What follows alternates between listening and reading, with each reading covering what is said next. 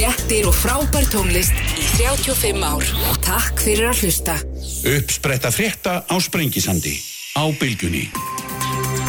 Uh, Sælir afturlustundur höldum við að staða hér á Spengisendunum þegar verða hér hjá mér Lókþáttar Björn Levi Gunnarsson Ólaður Þór Gunnarsson og uh, Hanna Katrín Freyrisson ræðum þá 12 tímanum um heilbreyðismálinn sem verða án eða eitt af stærstu kostningamálunum Bjartmar Óttur, þeir Alessandarsson blaðamæður á stundinni verður hér líka, við ætlum að ræða um málefni Sorpu en ég ætla að byrja hér á loslasmálunum þau eru hjá mér Sigmundur Daví Gunnarsson Auður Annu Magnúsdóttir og Guðmundur Ingi Guðbrandsson. Verið all velkomin. Takk fyrir. Uh, þessi nýja skísla milliríkin enda saminuði þjóðana sem kom núna út 2021 og hafði síðast síðast auðfarslaði 2013, það er 8 ár síðan hún hérna er að e, vakti að því leitinu miklu aðdegli, það er miklu sterkar orðalag heldur en höfum áður kynst það eru hérna sterkari vísindalur auka því að maður best fær lesið og nú ætlum ég ekki að halda því fram ég hef lesið þessa 4000 sína skíslu og alla tilfinnaði greinar henni síðan en svo en eitthvað hefur maður reynda að hlaupa í gegnum svona helstu atriði og þarna og, og hérna uh, sko erum við komin að einhvern tímamótum með spurt og hvað hérna og hver eru þau og til hvaða bræða er hérna ráða þarf að grípa ef þú byrjar aðeins skumdur á þessum. Já, í rauninni staðan er þannig að sko ef við horfum til þeirra markmiða sem að ríkja heims hafa sett sér að þá stefnir í cirka þryggja gráðu hlínunum miðbyggaldarinnar meðan að Parísasamkommulagið hveður á um tvær gráður en helst 1,5 mm -hmm. Þannig að það er þetta gat sem við þurfum í rauninni að fylla og það er á ábyrð, sameilir ábyrð heimsins, ríkja heims, að, að fylla upp í það gat.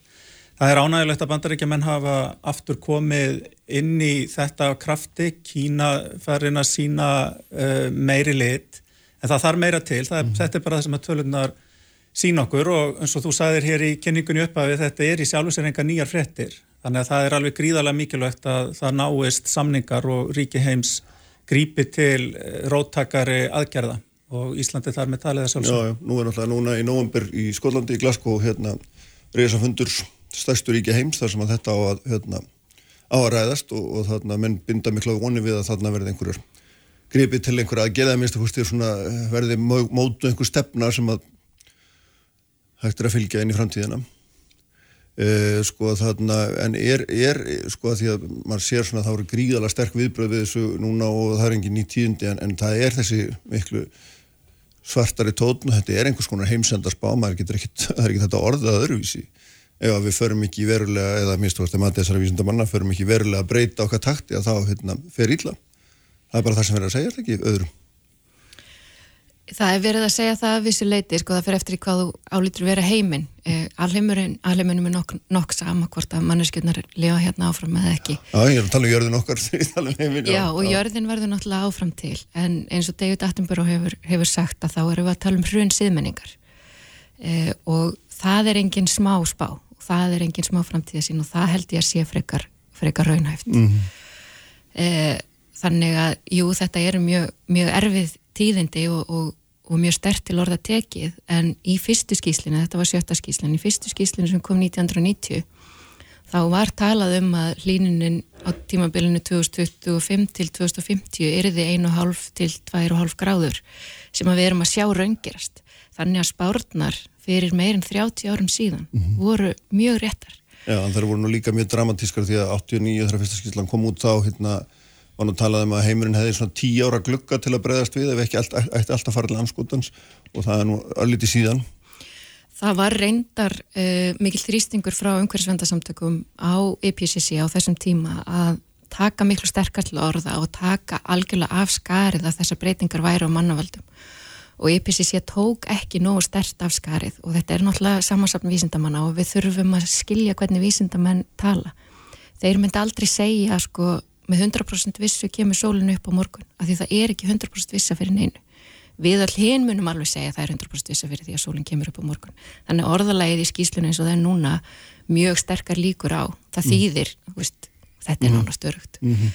þannig að við þurfum líka aðeins að kunna lesa í hver er að tala og hver er að segja og svo þurfum vísindamenn alltaf að koma svolítið til móts við, við almenning Sýndu Davíð, þú hérna skrifa nýlega greinundir fyrir gefn, þú, sem dag þú skrifaði nýlega grein sem er hérna, öfgar og heimsendarspár leysi ekki láttnarsmálun mm. erum við stöld einhver staðar þar hérna, er, er þessi skýsla finnst, já, finnst þessi skýsla að vera öfgakend þú talar um það að öfgakendir aktivistar séu bak við hana. Sko, ég hef nokkið lesið þessar 4000 síður, en, en frekar en nokkur hér líklega, en ég finnst að sé við til við höfundaskíslunar sem að setja út á framsetningu fjölmjöla og, og aktivista, mm. að þeir í rauninni sé að nota þetta til þess að, að draga upp heimsendaspár og ég held að það sé ekki rétt nálgun. Þessir fjölmörgu vísindamenn sem komið að þessari skíslugerð eru nú held ég engir efasemdamenn í, í loslasmálum en, en ég vil þeim þykir sko nóg um hvernig mann hafa grepið þessa skíslu og notað sem áróðustæki fremur en eins og þá sömur reyna að hafa þetta sem grundvöld að þá betri stefnu og aðgerðum og fyrst og fremst er þessi skíslu þetta áminning til okkar Íslandinga um uh, hlutverk okkar í heiminum við það að framleiða umhverfisvæna orku og mikilvægi þess að við framleiðum meira af henni. Því meira sem er framleitt á Íslandi, því betra fyrir heiminn. Ég hef oft nefnt uh, þegar mann ræði álverinn hér mm. að ef eitt álver, öll þessuna, er flutt frá Íslandi til Kína, tróunin hefur verið svo frá Bandaríkjónum og Európu, álverum hefur fækkast álega þar. Ef eitt álver færi frá Íslandi Kína myndi losunin tífaldast. En svo má eins og ég gerði nú í ræðu á landstingin í gær snúa þessu við og velta fyrir sér þessari áhugaveru staðrind. Ef eitt álver er þið flutt frá Kína til Íslands eða bara næsta álver er þið byggt á Íslandi frekran í Kína og ég er ekki alveg að geta til, bara nefnaði sem dæmi. Ef næsta álver er þið byggt á Íslandi frekran í Kína myndi það spara meiri losun heldur nefnur allir losun Íslands núna. Áhugaveru staðrind. Það er sannlega rétt. Þannig að við þurfum núna, Íslandingar, að framleiða meira og við höfum gríðarlega tækifæri með þessa hreinu endur nýjanlegu orku okkar því að, með segja, mér sem starfa í, í orkumálum um allan heim að þar sem að er til staðar endur nýjanleg hrein orka það er svo mikil ásokn í hana uh, að allt hitt fylgja á eftir, menn vilja fram, framleiða umhverjusvannar vörur. Og við höfum líka til dæmis að einsetja okkur að flytja einfallega út að minnst okkar stu jafn mikið af eldsneiti eins og við flytjum inn.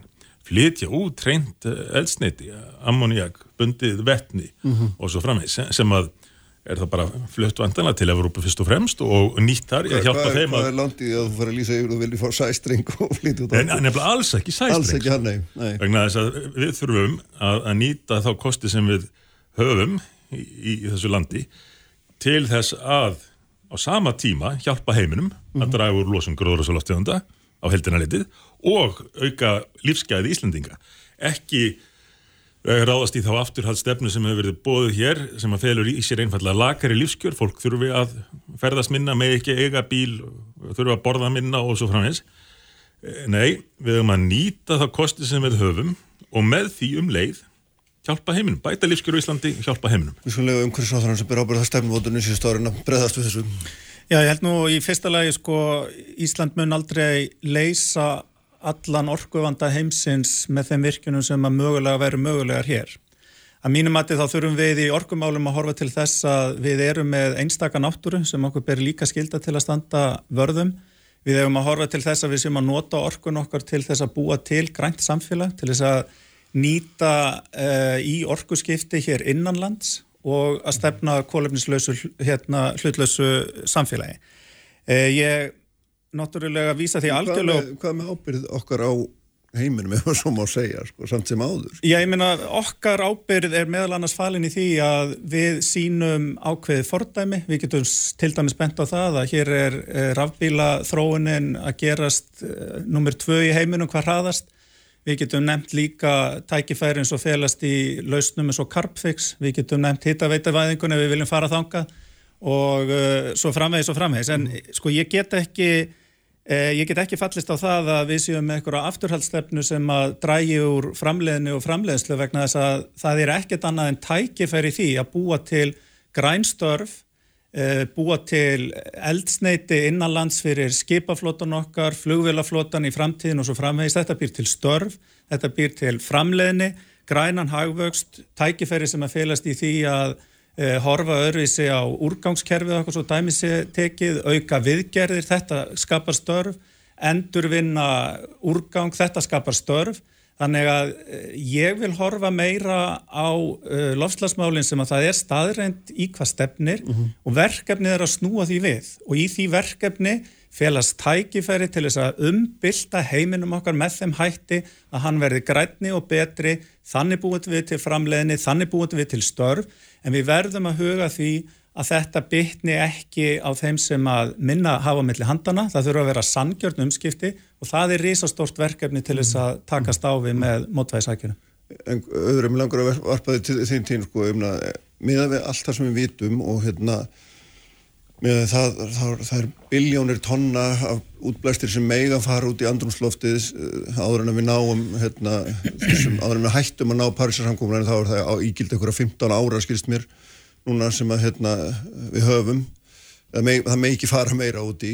Og, og hérna, er ekki nokkuð augljóst þú með þínum landöndar augum hérna, lítur á það að til þess að ná þessu þá verðum við að draga úr framleyslu, draga úr nýstlu eða, eða eh, hvernig horfir þú að það? Ég var reyndar að lesa skýslu það sem að segja að þetta væri bara sex ár. Mm, Já, ok, eh, ekki var það skára Nei, um, ég verði aðeins að fá kannski ef ég má já. taka þetta með álverðin Já, já. E, þetta er mantra sem að hljómar hérna í, hjá, hjá virkinu sinnum enda löst á Íslandi þeir koma hins vegar aldrei fram með neyn gögn eða rauk eða tölur sem að sína fram á það og þessi álver á Íslandi hafi raunverulega sparað einhverja losun. Þetta er bara einhver svona anekdótal e, svona hugsanatilraun sem að þeir eru búin að gera og sama hátt get ég gert anekdótal hugsanatilraun sem að sína fram á að með því að framleiða ál á Íslandi þá erum við að auka framleysluna, það þýðir að við erum að lækka heimsmarkasverðið, það þýðir að við erum að draga úr líkunum á því að ál sé endurunnið af því að framleysla nýju áli e, verður svo ódýr. Og þá er miklu minni líkur á ál sé endurunnið, ál er frábæra málumbrinn í ringrásarhagkerfið en við erum ekki að nýta þess en skildi því að það er svo ódýrt að framleiða nýtt ál. Þannig þetta dæmi með álverðin er gjörsamlega óþólandi og þetta Íslandingar verða hægt að tala svona nema þeir geti sínt fram á þetta með einhverjum uh, rökum og gögnum.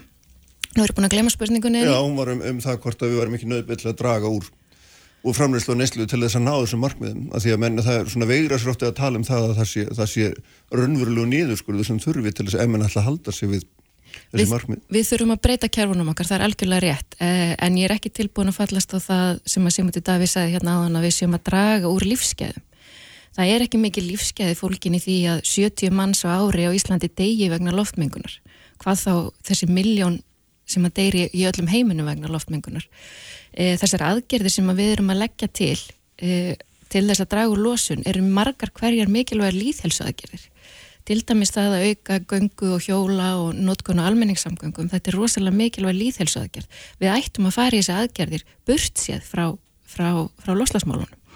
Sama með, eh, hann sagði við ættum að borða minna, það er mörgum holdt að borða minna en við þurfum að borða öðruvísi, við þurfum að auka hlut græmitis ávegsta og kortmetis og draga úr kjötneislu eh, við, og það er allir sammálum það, mm -hmm. þetta er miklu hotlari matur, þetta er líka miklu að líðhelsaðgerð. Þannig að já, vissulega þurfum við að breyta kerfunum, við þurfum að breyta nánast öllum okkar kerfum. En þú veist að tala um það líka það þurfum að stýra neislunni þá ofan í staðin. Eh, Þegar þú segir við þurfum að Já, það sem að, já við þar til dæmis mm. að núna erum við að, að niðurgreiða mjög stíft framlegslu á, á kjöti og mjölk e, eða venda framlegsluna með, með háum tollum. Við erum ekki að gera það sama fyrir, fyrir græmitið e, Ég sé ekki af hverju það eru við ættum að vera, vera að gera þetta þegar þetta er verra fyrir lofslæði, verra fyrir umhverfið og verra fyrir, fyrir mm -hmm. líðhelsuna mm -hmm. Þannig að við erum að fara í, í öfugátt við getum hér minnst að þá allavega hætta niður greiða, greiða kjöt og, og, og mm. hérna farið að, að setja þessa peninga í græmitsframleyslu og, og eins og Guðmundur Ingi var að segja, þá skapar þetta störf. Mm -hmm. Sigmundur? Já, fyrst aðeins um álið. Já, já, já.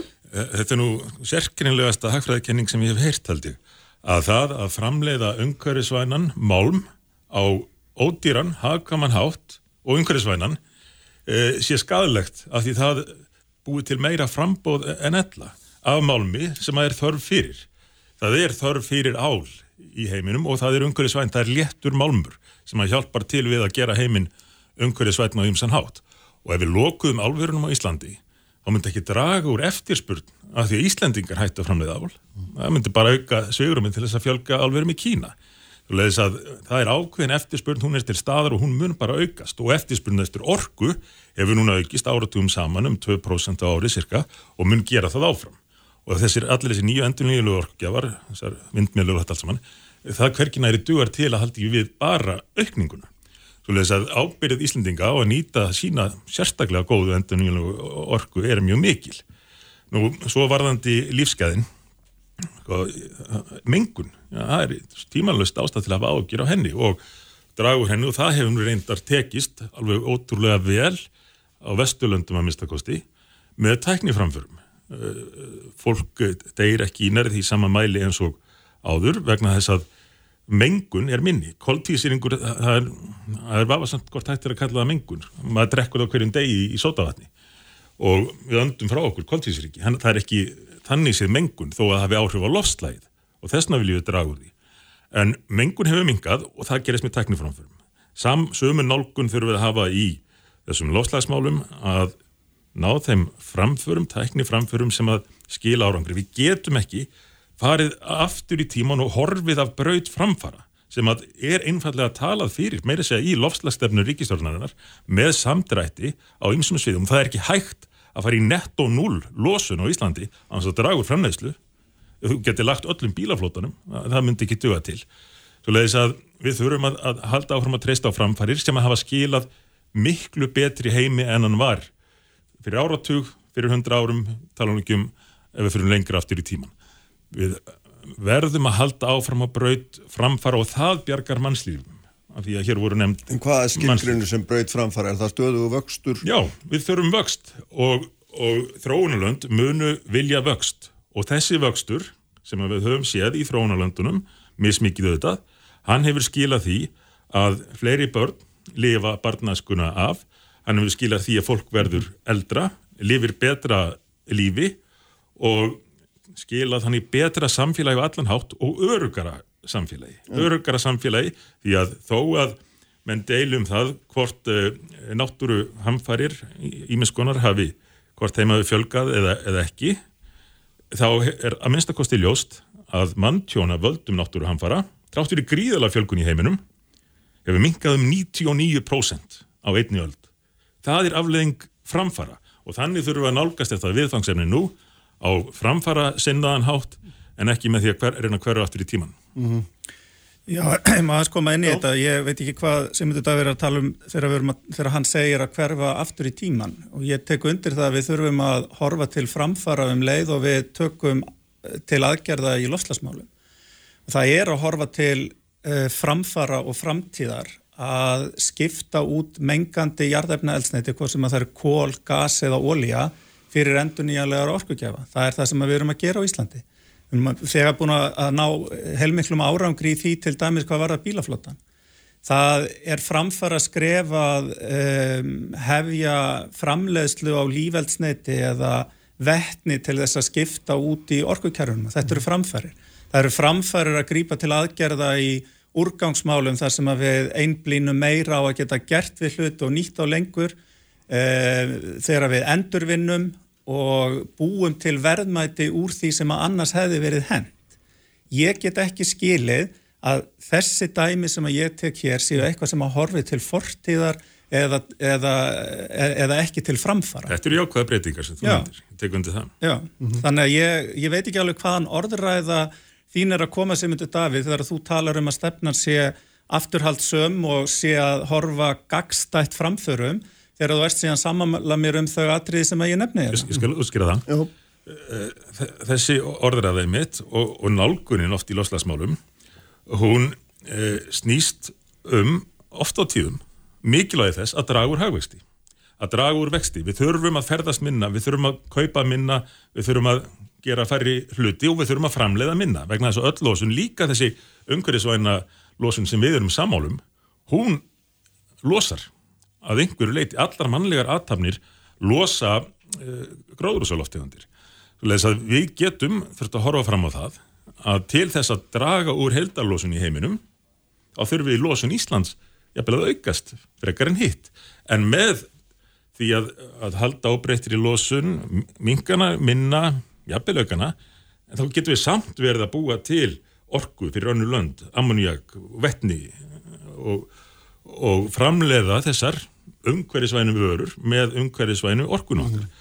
Og aðeins aftur að áluna, því auður nefndi, nefndi það og, og ég laði sem eitt grein eftir hana frá því ekki fyrir svo löngu, einhverju missurum fyrra held ég, það sem að kenningin var svo, sko, þá hefði álverð lækkað svo mikið að það síndi skaðsemi þess að, að við varum að, að framleiða ál að því að frambúðið hefði það, þar með aukist óhóflega og, og verðlækkað en nú vil svo til að verðið hefur hækkað og er að fara í hæstu hæðir. Og hvað segir það okkur þá? Því það þá að e, það er enn mikilvægra fyrir okkur að framleiða ál. Þetta, það verður að líta á þetta allt saman í heldar samhenginu og við leysum ekki málinn með því að draga úr vexti og framþróun. Í Breitlandi áallar núna breska ríkis ork, orkuveitan að áallunum nettolósum þar fyrir 2050 muni kosta sem nefnur 525.000 miljardum króna. Bara það sem snýra þeim. Áallunum losun muni, ég skil ekki alveg hvað meina Áallunum að ná nettó Já, kostnaðurinn við að draga úr losunum Já, kostnaðurinn, já. en það er bara það sem snýrað þeim. E ekki í samgöngur og, mm. og fjölmart annað svo ekki sem minnst á hagrænu áhrifin auðvitað kemur einhvað nýtt á, á móti en það má samt ekki gerast með þeim hætti að við innleðum óhagkvæmni í öll vestræn kerfi, við flytjum framleistuna bara til Kína, látum skráum við alltaf það þá og, og ofur skatlegjum fólk sem að vil bara eiga bíl og komast leiða sinnar á Vesturlandum mm -hmm.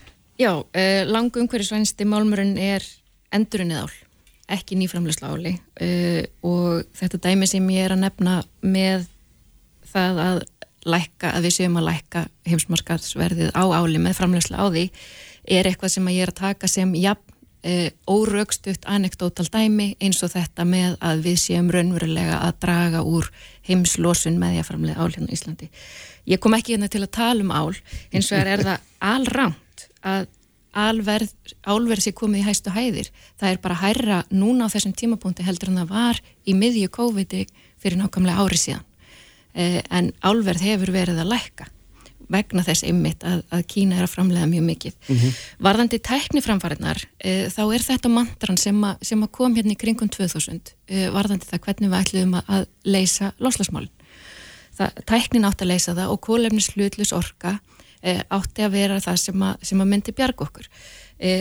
Svo gífulega sprenging í framlegslu á kólefnis hlutlusur orku hefur hins vegar ekki orðið til þess að losun hafi dreyist neitt saman þvert á móti hefur hún aukist mjög mikið og þetta sýnir okkur bara við þurfum að tækla raunverulega vandamálið sem að er bruni jarðarnælsnitis. Mm -hmm. Það er það sem verður að hætta mm -hmm. og meiri sé að e, þjóðir heimsins, margar hverjar, er að greiða niður jarðarnælsnitisvinnslu.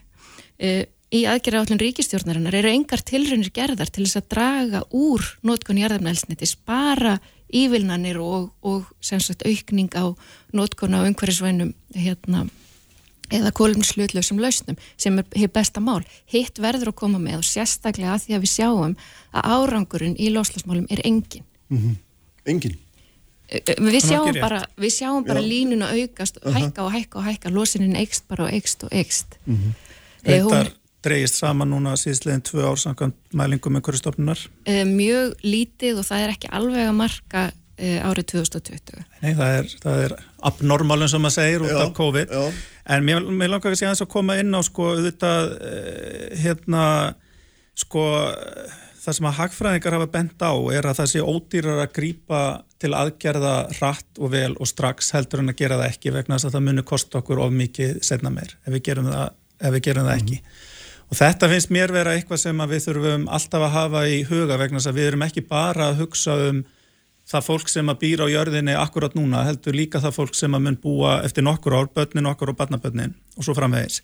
Þannig að sko, um, ég horfi svolítið á þetta þannig og ef við erum að tala um þetta út frá orkumálum, ég veit að Simundur Davíð er ekki að leggja til nýtt álverið, þannig að nota þetta í dæmaskinni, mm -hmm. en um, umræðan eða hughrifin sem að svona umræða vekur samt sem áður er svo að það sé ein af lausnunum að við eigum að nota okkar orku í stórtækar uh, framleiðslu á áli eða, eða öðrum málmum eða hvaða þeir er með okkar endur nýjanlegu orku og ef við tökum álverið sem dæmi eða álverið sem dæmi, ef við færum nú að bæta við nýju álveri, þá værum við að setja ennit ekki í sömu korfuna. Það veri efnahagslega ekki skinsanlegt.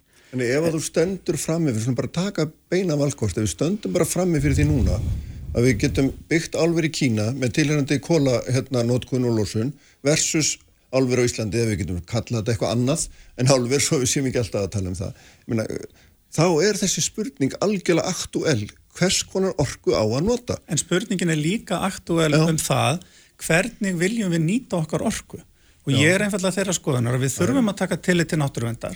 Við ferðamennir okkar sem uppi, hafa haldið uppið hagvöxtu á Íslandi síðastliðin ár, þeir koma hérna vegna þeir vilja skoða áskristan. Á þessum fórsöndum þá segir þú alltaf nei við þessu og setur það eitthvað annað. Nei, býtu, nei, býtu. Okay. Þess vegna tel ég að við hefum að nota þá orku sem að við mögulega getum ráðist í að virka á Ísland á næstu árum til uh, framleiðslu, til grætnar atvinnustarfsemi innanlands, uh, til þess að draga úr losum gróðrús og lofttegunda, meðal annars mögulega búa til eldsneiti sem að geti nýst skipaflottanum okkar og flugflottanum. Um, þannig að við séum með markmið um að orkuna nýtum við til orkuskipta hér innanlands við munum aldrei bjarga öllum heiminum með þeirri orku sem við erum með. En og það eru nýjar lausnir annar staðar í um heiminu líka heiminn. það er bara verið að tala um eitthvað framlag sko. það er, er mikil mjög þar á. get, ef, ef við myndum fallast á rökin að álverð bjargi heiminum álverð Íslandi bjargi heiminum. Nei, býta, ég, ég er að íkja þetta líka. já, já, að þá, þá getum við sagt við erum með þrjú stór álverð sem eru sko ábyrg hverju 40% af losun Íslands á gróðrúsaloftegundum Þannig að við verum að horfa á þetta í miklu stærra samhengi mm. heldur en við erum kannski að ræða hér. En þessi 40% losun, hún hjálpar heiminum, heiminum meira. Nei, hún Vegna, hjálpar heiminum jú, ekki neitt. Jú, jú. Þú, þú getur ekki sínt fram á að þessi losun, þetta sé einhver losun sem er að sparast. Af því að við vitum ekki, það sem við gerðum hérna var að skapa skilirði fyrir því að álver er því reist hérna það var það sem við gerðum. Mm. Það var ekki þannig að við stæðum frammi fyrir einhverju dæmi þar sem að, að fjöldi alveg í heiminum er fasti og það bara, það bara verður að drita þeim niður einhver staðar. Mm. Þessi fyrirtæki þau koma hingað af því að það er hagkvæmt fyrir þau og það er hagstætt og þau fá að gera það sem þau vilja gera hérna. Þess vegna koma þau hingað. Við þurfum ekki að tala meira um þessi alveg þau, þetta, þetta snýst ekki um þau. Við verðum aðeins að gera það með, með þess, þetta sérkynlega tenningar. Það er ákveðin eftirspurn eftir áli. Okkar það eina sem við getum gert af því að eins og margir benda á og þeir sem vilja ekki aðgerðir í loslasmálum benda mjög mikið á að þá er okkar framlag í, í, í heimslósuninu mjög lítið. Það eina sem við getum gert er að vera góð fyrirmynd. Ef að þjóðins og Ísland með alla þessa kólefnis hlutlösu orku getur ekki losa sér við jarðafnælsniti, þá getur það engin. Ef að við getum sagt, ok, á tíu árum, þá losum við okkur við jarðafnælsniti. Mm -hmm ef við getum verið svo fyrirmynd fyrir, fyrir heiminn þá getur fólk hvort, ok, þetta er hægt ég, ég fyllist von það að við bætum við hérna þó við myndum virka þessi hvað eru það þrjú teravött eða hvað er hægt hérna með að þú virkar allt saman hérna og við byggjum álvers eða, eða mengandi mm. stóriði sem að því samsvarar það er pínu, pínu, pínu líti brot og það er engin fyrirmynd fólkin í því það er engin von fólkin í því mm -hmm. En þú ert, já, segum þú sko, Við hefum tvímalulegst að vera góð fyrirmynd. En það er svolítið sérkynlega þetta annars vegar segja mér sko að þó að Ísland sé lítið og skiptir kannski ekki miklu máli í heldarsaminginu þá verður við samt að leggja mikið á okkur af því að hver og einn verður að gera sitt. Nefnum bara að við ætlum ekki að leggja mikið á okkur á þann hátt sem að myndi skila mestum árangri fyrir heiminn. Með því að nýta þessa reynu endurninguleg orku til þess að framlega ekki bara ál heldur líka nýjar afurðir. Nýjar vesniður til að búa til til dæmis umhverjusvend elsneiti og af því að menn setja þetta sem einhvers konar kontrast við ferðarþjónustuna sko, ferðarþjónustan uh, losar álíka mikið og álframleyslan uh, ferðarþjónusta uh, er uh, til þess fallin eðlimálu sangkant á meðan að flugular eru eins og þar eru og verða um fyrirsjáðanlega framtíð til þess fallin að losa mjög mikið. Og þá segja menn já, fólk mér bara þurfa að ferðast minna það mun þurfa að setja nýja og hærri skatta á, á flugferðir að það gengur ekki að, að menn sé að ferðast nema auðvitað þessi sem að fara á enga þóttunum á rástefnu til að tala um umhverfismál Eh, Þannig að það verður settir, settir nýjir skattar á allan almenning og, og fólk verður bara að sætta sig við að fara sjálfnað til Kanari og svona. En þá erum við að segja, við ætlum að minka um sér ferðarþjónast á Íslandi uh, og þar með dragur hagvildi. Við verðum að nálgast þetta á þannig hátt að, að þessi sko, vinn-vinn, plus-plus uh, búa til nýverðmætti en umhverfisvæðin nýverðmætti og í þróunarlöndum verður áfram sókn í bætti lífskjör og það mun hafa áhrif á losun skiptir engum máli þó að við hér reynum að skerða lífskeiði Íslendinga til framtíðar, fólk mun áfram sækist eftir bættum lífskjörum og þá getum við verið góð fyrirmynd til dæmis með því að hjálpa til við nýtingu jarðvarma og, og að framlega umhverjasvænar vörur fyrir, fyrir aðrar þjóður. Ég má bara aðeins koma inn á þetta, mér finnst þessi framtíðasínum að við hefum að nota orkun okkar í að eh, auðvelda sko útlenskum auðringjum að nýtana með ódýrum hætti, kaupana á ódýru verði eh, er eitthvað sem að hugnast mér ekki alveg bussi frá öllum umhverjusáhrifin. Mér langar að segja það, ég held að við verðum að taka umræðinu um lofslagsmál aðeins út úr þessum farvegi hérna og nota þessar mínútur sem við höfum eftir í að, að ræða raunverulega sko hvað þarf að gera og það er alveg hárrið sem að auður sagði á þann við þurfum að umbylta þeim kerfum sem er að nota jarðefnælsneiti. Það er stóra verkefni. Það er verkefni hvað sem við horfum á sjávarútveg, landbúnað, flugsamgöngur, vegasamgöngur eða hvað það er. Og ef við tölum um framlag Íslands í því, þá við, fáum við engan frípassa í heiminum. Það og við eigum að sína gott fordæmi. Líkt og við gerðum með hittaveituvæðinguna þó svo hún hafi ekki verið miðuð að lofslags áhrifum á þeim tíma. Og það eru vinn-vinn eins og sem þetta Davíð nefnir í flestum þessum aðgerða.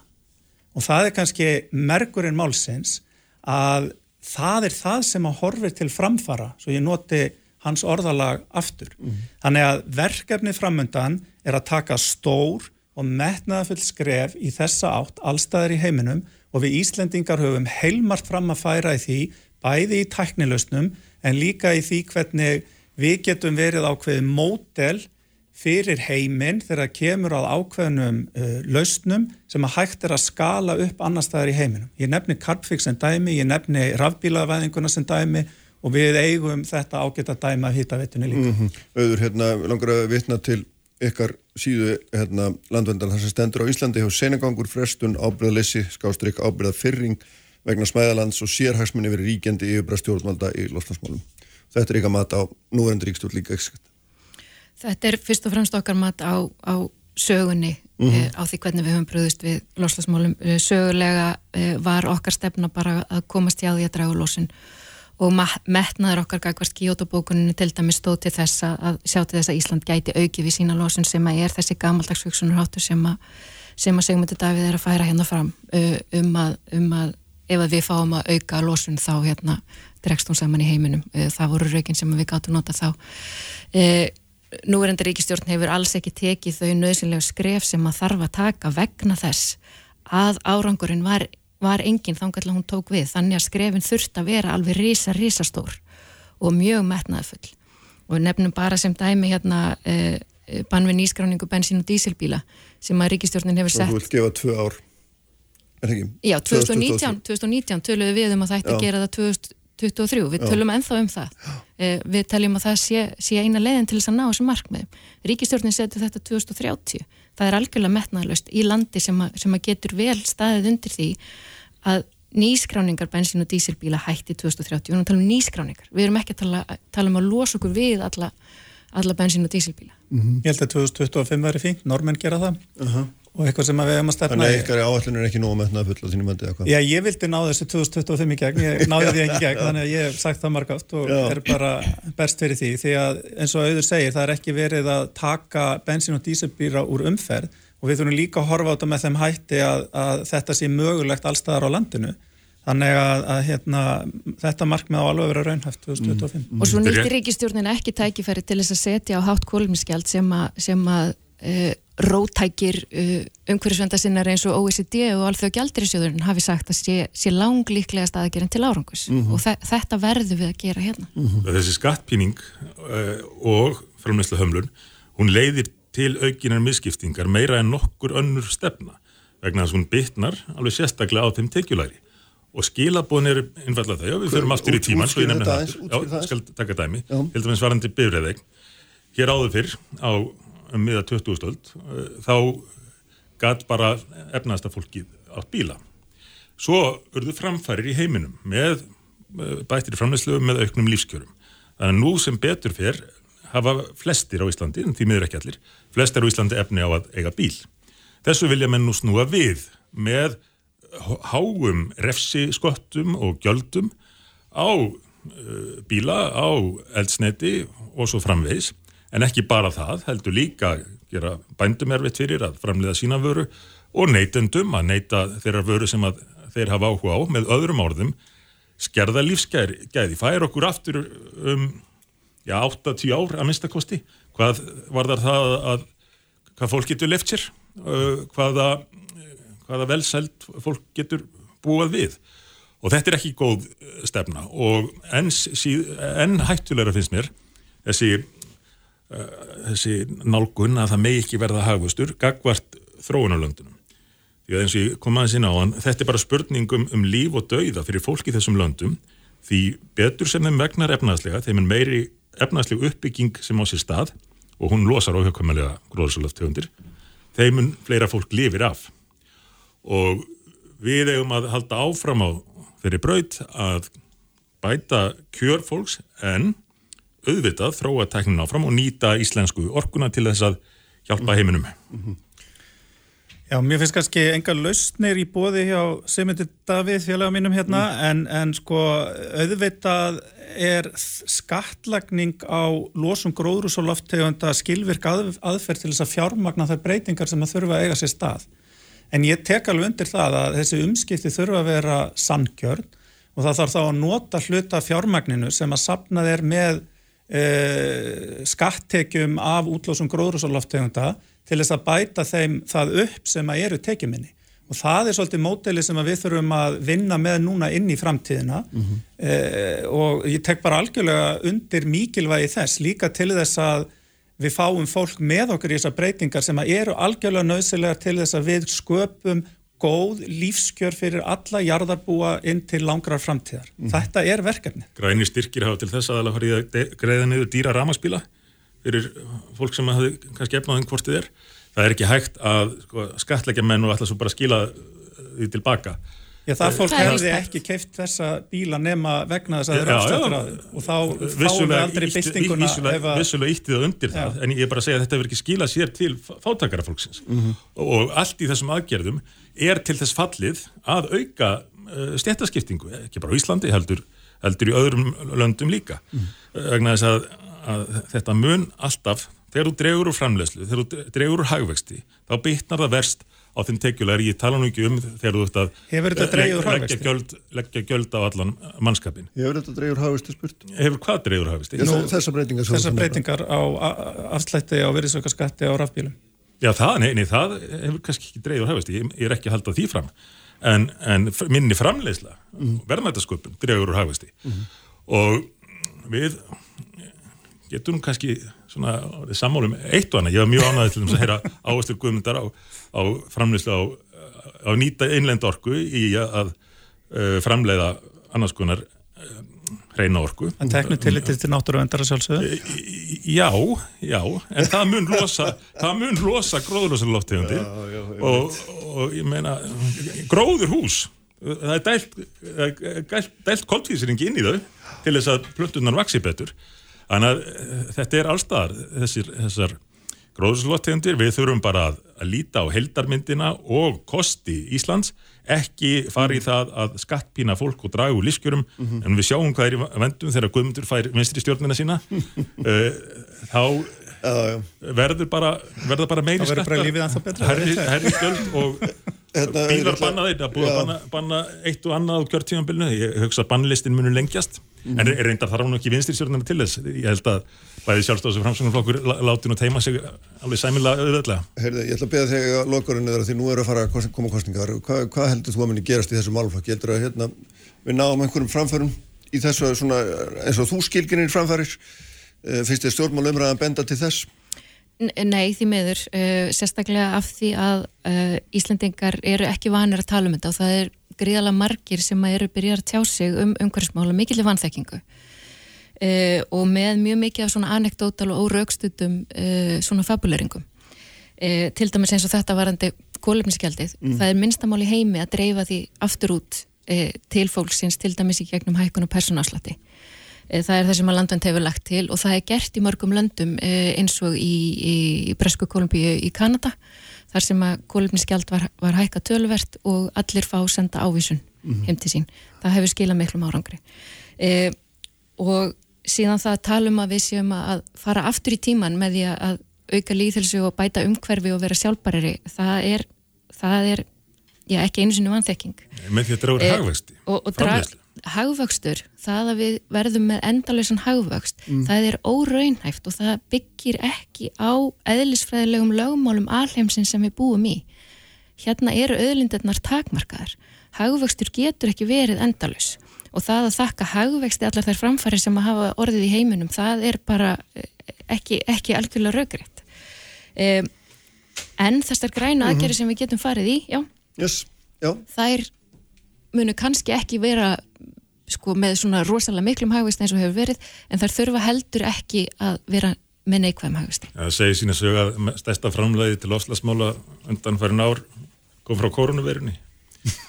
Minni framleiðsla, minni umsif, leiðilega líf. Já, við þurfum að breyta kerfunum þannig að við getum haldið lífskjörum uppi Uh, í breyttu umhverfi þar sem við erum ekki að nýta kólefni, nei hérna uh, olíu, gas og og, og hérna kól, Já. það er verkefni þetta er umbylting. Það kemur að því, fyrst, fyrst er að losna við kólin samdrátturum var bara 5% samt út af korunverðinu hann var nánast engin samdráttur. hérna, heimurinn bara var í staðvaður einu við tóngjum herðum, við komst ekki lengri bíli, þetta var frólitt skemmtilegt. Við höldum nú örgla áfram þessari umræðið þennan málflokk um dringi og auður og Sigmundur Davíð, takk fyrir að koma takk, og Bjartmar, Ottur Þeir Alessandarsson blaða með að vera hérna hjá mér eftir augnablik. Sprengisandur alla sunnudaga á bylgjunni. Sælir eftir hlustundur, þau eru farin frá mér. Auður hannu Magnús Stóttir, Guðmundur Ingi Guðbrandsson og Sigmundur Davíð Gunnarsson eftir hér að lítalega yfirferð yfir losnarsmálunni kjölfar kjölfar nýra skýslu frá milliríki nefnd samlið þjóðuna sem að þetta og þetta er nú að fullir það hafi hafi valdi mörgum bæðug og kvíða uh, ég ætla að raun og veru kannski að halda áfram og ekkert alveg ósvipuðu nótum en, en þó aðeins öðruvísi því að hér er komin Bjartmar Oddur Þeir Alessandarsson, laðmaður á stundinni, sælu blessaður, velkomin. Takk. Þú setið hérna hjá mér áður og við höfum verið að ræða þetta mál sem við ætlum að ræða núna líka sem er þetta byggða sam, samlag uh, höfuborgarsvæðisin sem heitir Sorpa. Já. Og hérna margt verið þar eitthvað með einn, uh, ef maður ekki bara orðað það beint undarlegt á síðustu árum og hérna þú er kortast þetta og skrifað um þetta hérna, ídalegar en, en flestir aðrir held ég að allir raun og veru sko og hérna, ef ekki sko, það er það, er, það var í janúar held ég 2020 ef við mandri, ég ættu verðum að ræða á þess mm. það er allavega áspunum 2020 sem að það er verður stór kvellu þegar þá er endur framkvæmstjóri rekin og það kemur upp úr dúrnum að, að það er margt mjög brogað í, í rekstrinum. Byrjum aðeins þar bara svona rétt til að setja til að setja hérna grunninn undir þetta. Já, þetta byrjaði á í, í, í raun og veru með að meðan það var að vera að rannsaka þessa starfsemi, af því það byrjaði að vakna ímsa spurningar við byggingu á gæja. Já, sem er, sem er þessi stöð sem á að framlega gas og, gas. og jarðgerðastöðin sem að Sorpa byrjaði að kynna almeinlega svona upp úr 2015-16 og það var í raun og veru í, í fjölmjölum mætti þá fyrirvændi framkvæmstjóri Björn Há Haldursson og, og lísti því raun og veru að, að, að þarna væri vél sem myndi taka við öllum blöndum heimilisúrgangi e, höfuborgarsveðinsins mm. og búa til hágæða moldu og, og, og metangas Já. og þessari moldu er í sem dreiftum íslenska náttúru og myndi sjá til þess að hjálpa við landgræðslu Um, svo fór þessi náttúrulega var mik mikla deilur einmitt bara um sko um, um kaupin á þessari tækni, það var fyrst ekki farið í útbóð e, það var kært og, og það var unnið en það var aftur valið síðan þessi ækhan tækni frá Danmörku. Um, svo kom upp úr því að innri endurskóðan fór að skoða þetta mál. Og þá kom bara í beilinsi ljós samkvæmt skýslu innri endurskóðan að Björn Haldós var nú ekki alveg 100% reynskilin með allt saman og, og, og var í raun og veru að gefa villand upplýsingar að, að mati innri endur skoðanda. Já, Reykjavíkuborgar. Reykjavíkuborgar, var að gefa stjórn sorpu uh, villand upplýsingar. Hann hefur komið fram og sagt að, að, að svo sé ekki og er núna í, í, í, allar í, í mál við sorpu og krefst þar harra, bóta vegna uppsagnar til að það hún að vera ólögumætt en það er samt sem áður margt sem er að koma í núni ljós sem sérfrænga voru búin að benda á jafnvel frá árunnu 2016 mm -hmm.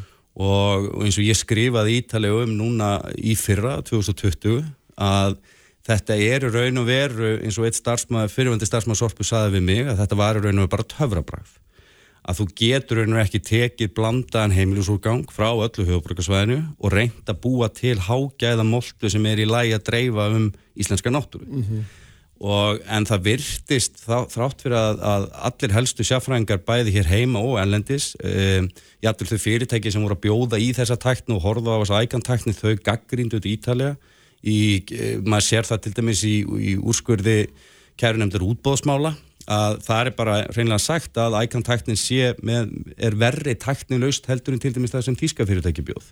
Og fær mun, mun færri stig e, og þjóðverðinir ítrökuðu meiris að bara sko að það sést hvergi uh, í þessari ægantækni að þetta sé mögulega hægt mm -hmm.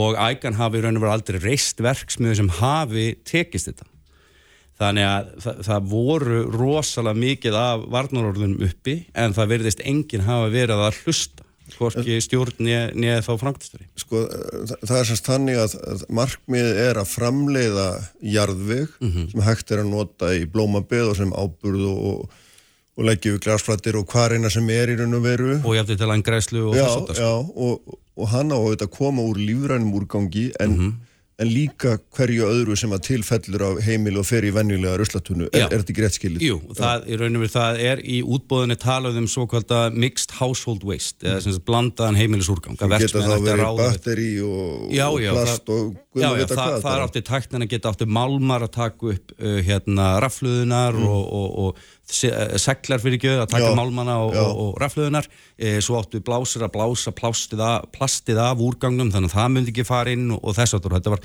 svakara flott hækni en mjög fyndið samt í, í úrskurnemnd kærnendar til útbóðsmála fyrir ekki e, þar kemur fram að Sorpa segja með þess að tæknin sé svo einföld að þú getur raun og verið keiftan í næstu byggingavöru veslun þetta eru eigin orð Sorpu um tæknina. Uh -huh og maður fyrða sér svolítið að, að, að, að þetta hafi verið raun og verið eitthvað meginn já, átt að vera hægt að ná, taka svona mikið mingaðan blandaðan heimilisúrgang og búa til einhverja hákjaða vöru sem að fólk átti jáfnvel að dreifi í garðarna sína mm -hmm.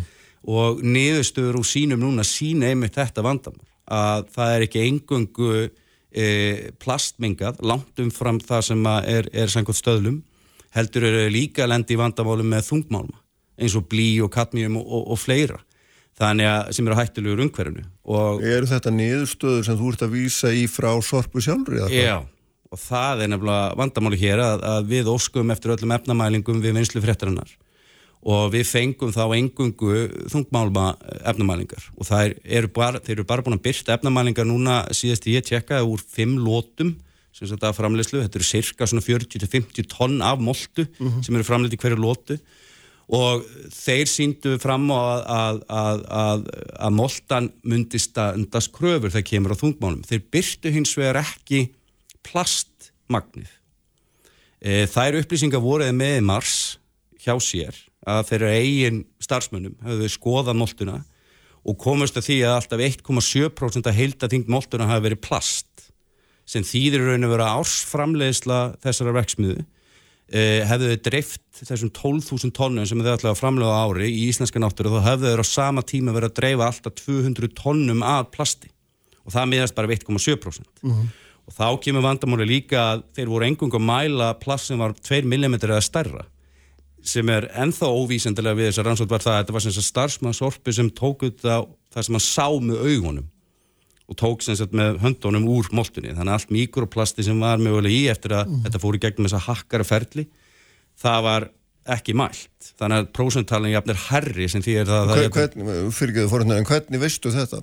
Að þetta er það sem okkur var sagt hvernig, ja, mér var sagt mm. sem sagt eftir að ég fór sjálfur og sótti með síni á röslahaugana eftir að þeir ítrekka neyturum með um að fá síni af moltunni Þannig að þú ert búin að fara sjálfur og sækja moltu sín og láta greina þau. Já, skoða þá. Ég, ég þurfti ekkert að, að skoða sérstaklega mikið plastmagnum en þess að ég var að finna tannbusta og, og stóra skeiðar og ímislegt í moltunni.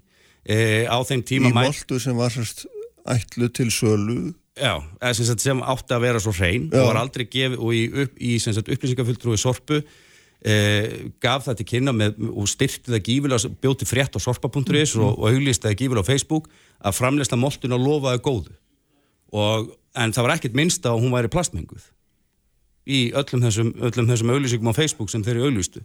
Þannig að, að plastið sko var raun og veru fali fyrir almenningi að það hafi verið innifalið svona mikið plast. Eh, ég fer síðan og með myndi eins og segja bara ítrekka um að fá aðganga sínum að moltunni, því var ítrekka neitað.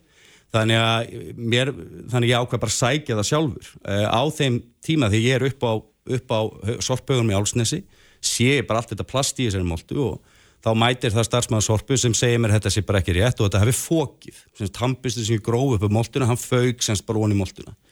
Um, þannig að hann bauð, bauð mér að koma inn og sína mér raun og verið þessu alvöru moltu sem væri ekki, væri raun og verið bara frábær.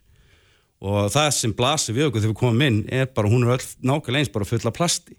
Og þá við ekki hann fyrir mér að þetta sé ekkit leyndamál og þá breytir svolítið tónnin sko er ekki, er, það er samt þannig er það ekki eftir því sem mér hefur sínst að menn, það er náttúrulega aldrei neitt sem segir þetta verður plastlaust. Það er aldrei hægt að útiloka það að verði ykkur, er það ekki rétt? Verði ykkur plast í þessum. Já, alls alls, þeir meirist að þeir vissu að þeir sögðu að ítrekka starfsmenn sorpa á sín tíma bæði frangotastjóri og, og, og, og verkstjóri yfir þessu verkefni að það yrði alltaf eitthvað plast en því miður eru viðmið hvað má vera mikið plast í moltu og við erum bara svo langt yfir þeim viðmiðum það miðast við sem 0,25% á, á, á samkvæmt breskastælinn og 0,5 á, á evrópska. En það er ekki bara plast, það eru heildar óhreinindi. Þannig að sko við erum langt yfir meiri svo sko heildar óhreinind á tölunni og til dæmis bara í gler við erum komin í 6-7% í heildar óhreinindi í moltunum, við erum svo langt yfir þessum tölum. Þannig að það er eitthvað sem þeir sögðu ítrekka eftir greininu mína 2020 að þeir mundu, moltan mundi ítrekka standast alltaf gæða kröfur. Og þetta var sagt í öllum fjölmjörnum fyrirvændi framkvæmstöður Sorpaðan Helgi. Hann mætti í alla fjölmjörna nema til okkar ítrekka, ítrekka neitað að, gefa okkur viðtalsbeini eins og núverandi framkvæmstastjóru og, og núverandi stjórnanformaður og, og sagði þetta bara að þetta myndi takast en svo endan það bara tókst þetta ekki og þau gáðu ekki allar svo upplýsingar til almennings eins og þeim ber að gera En er þetta ekki, sem þú segir, þetta tókst ekki, þá ert þú að segja mér að þetta sé ekki lengur í neinu þróunaferli, heldur, þetta bara fullunnið og svona verði þetta bara. Já, það er allavega stefnubreiting núna hjá stjórn Sorpa, nú velja það bara að fá lífrann úrgang. Þannig að þeir keiftu verksmiðu Já. sem átt að taka við blöndum heimlisúrgang og búa til fullkomna hágæðamoltu. Nú er komið stefnubreiting og þeir segja að nú verðum við að fá hreitni úrgang. Það er ekki það uppröðlega sem tæknum var keift og, og, og það var ekki uppröðlega eins og verksmiðum var byggð.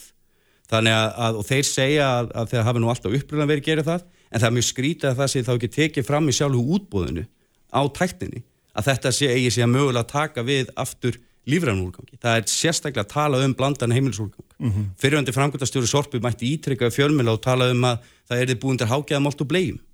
Þannig að, að það er mjög skrítið að sjá þess mjög miklu stefnubreitingu eftir að búið að komast upp um það að þessi tæktin sem var keift frá ækan í Danmarku hafi hreinlega ekki virkað samkvæmt þessum mælingum, eiginmælingum sorpu og uh, það er náttúrulega líka sem er búið að vera mjög leiðilegt við vinslega fréttar er að, að, að aðgangur að sem sagt þá bæði framkvæmda stjóra og stjórn fyrirtækisins í nótabenni fyrirtækis í, í eigu, e, ofinbers eigu að það sé hægt að, að tefja bladamann endalust við vinnu sína og það sé hægt að komast um það að mæta ekki viðtöl. Og, og við erum að tala um framkvæmt sem að kostaði 6,1 miljard Við erum að ta- við erum ekki- Átt að kosta 2,8 eftir því akkurat samkvæmt uppröðinu kostana áallin árið 2016 og það er í raun og veru eins og að þeir vilji einfallega ekki viðurkenna það að eitthvað hafi fyrir rámt vegna þess að í, uh, í, í, í sem sagt, fréttatilkynningum sem þeir senda á fjölmjöla uh, upp úr apríl að þá segjar kvót án kvót bara að moltuframlisla lofi góðu og að verksmiðan sem standa sér nákvæmlega eins og hún á að gera Já. En það er bara svo kollrant með við það sem var gefið í útbóðslýsingu Já, ég get alveg hérna tekið undir þetta með þér og votta það að þarna maður sjaldan séð jafn hratt undir iljar á stjórnamönnum í ofnbæru fyrirtæki eins og í sorpu þegar þessi mál komi upp vegna sem ég er einn ítrykkað að ná við þau líka og, og það var alltaf dillokaðar. Akkúrat. Það er hérna alveg bara, það er bara starrend máls uh, hérna og þessi kostnaði er náttúrulega gríðalegur og sko þarna og þú ert líka búin að fara onni í ársreikningana og ég tók nú eftir því að nú, þeir eru ekki búin að gera upp árið 2020 en það er allavega ekki á heimasíðunni þetta er bara vitnaði 2019 sem að síni var nú ekkit alltof alltof glæsilega mynd, þannig að svona, ég veit ekki hvað maður á að halda um þetta svona í helsinni Nei, sko. reksturinn er ekki góður eins og er. Þeir þurft að fá neyðalán frá sveitafélagunum og Reykjavíkuborg náttúrulega sem, sem staðist eigandi með 55% þurft að taka e, staðista hlutan af því að veita neyðalán til sorpu. En og það í raun og veru er svo að við erum að eigða gífilum fjármunum í umhverfismál eins og þetta er mjög- gífilegt úrgangsmál í umhverfismálum í framtíðinu og þið voru nú að tala hér um já.